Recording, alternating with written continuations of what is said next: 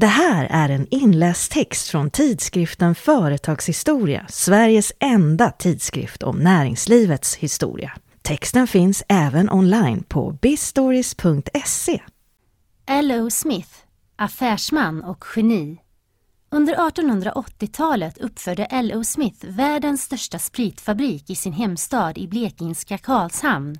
Kanske stod den tidigare fattige bondpojken på toppen av sin karriär när fabriken med plats för 700 arbetare och en årlig produktion på 100 miljoner liter sprit invigdes. Härifrån skeppade han bra brännvin, renat från finkel till främst svenskar och spanjorer, men också italienare, estländare och österrikare. L.O. Smith var en briljant och framsynt affärsman, förhandlare och utan att någonsin glömma sina rötter. Den något burduse och högljudde mannen klättrade med fast beslutsamhet från butiksbiträde till hamnförhandlare och blev snart hela landets brännvinskung. Vid sidan om affärerna använde han sin makt till att göra det bättre för arbetarna. Han organiserade arbetarringar, föreslog att man skulle underlätta sparande och var drivande i beslutet om allmän rösträtt. Den vetgirige Smith förhandlade tidigt i karriären in en extra semester för att lära sig språk. Han talade bland annat engelska, tyska och franska flytande och var en internationell globetrotter med världen som spelplats. Och det under en tid då människor sällan lämnade den socken de föddes i. L.O. Smiths näsa för affärer och genomtänkta strategier var unik.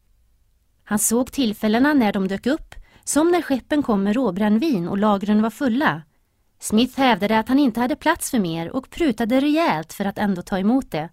När han sedan sålde det vidare gjorde han det från ett nästan tomt lager. Eftersom allt var bortlovat blev priset högt. Han var också helt orädd.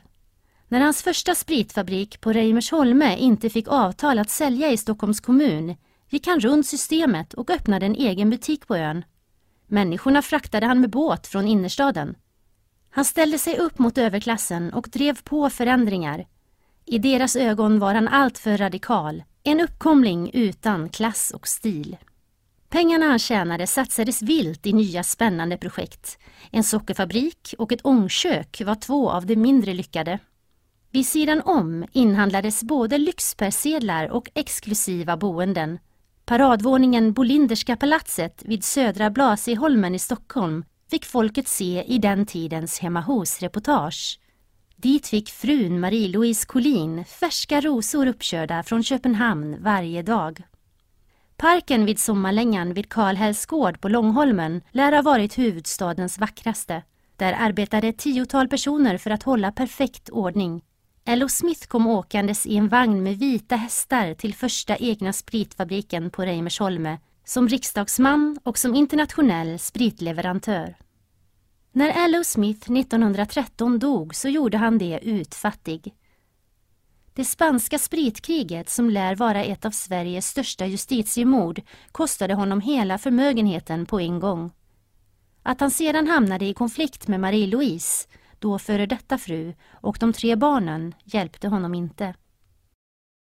Det här var en inläst text från tidskriften Företagshistoria, Sveriges enda tidskrift om näringslivets historia. Texten finns även online på bizstories.se.